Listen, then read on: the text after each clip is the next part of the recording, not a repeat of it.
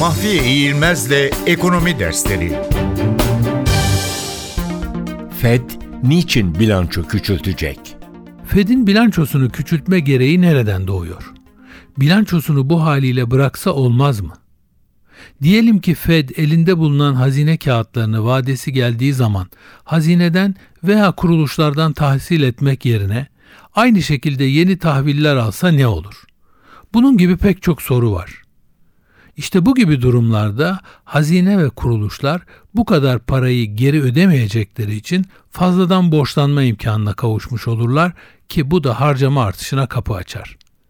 Oysa Fed uygulayacağı bilanço küçültme modelinde vadesi dolan kağıtları çıkaran kurumlara götürüp paralarını geri aldığında bu paraları yeniden piyasaya sürmeyecek ve böylece piyasadaki fazla parayı sterilize etmiş olacak.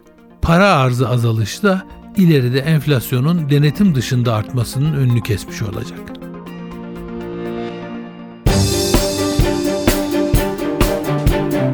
Mahfiye İğilmez'le Ekonomi Dersleri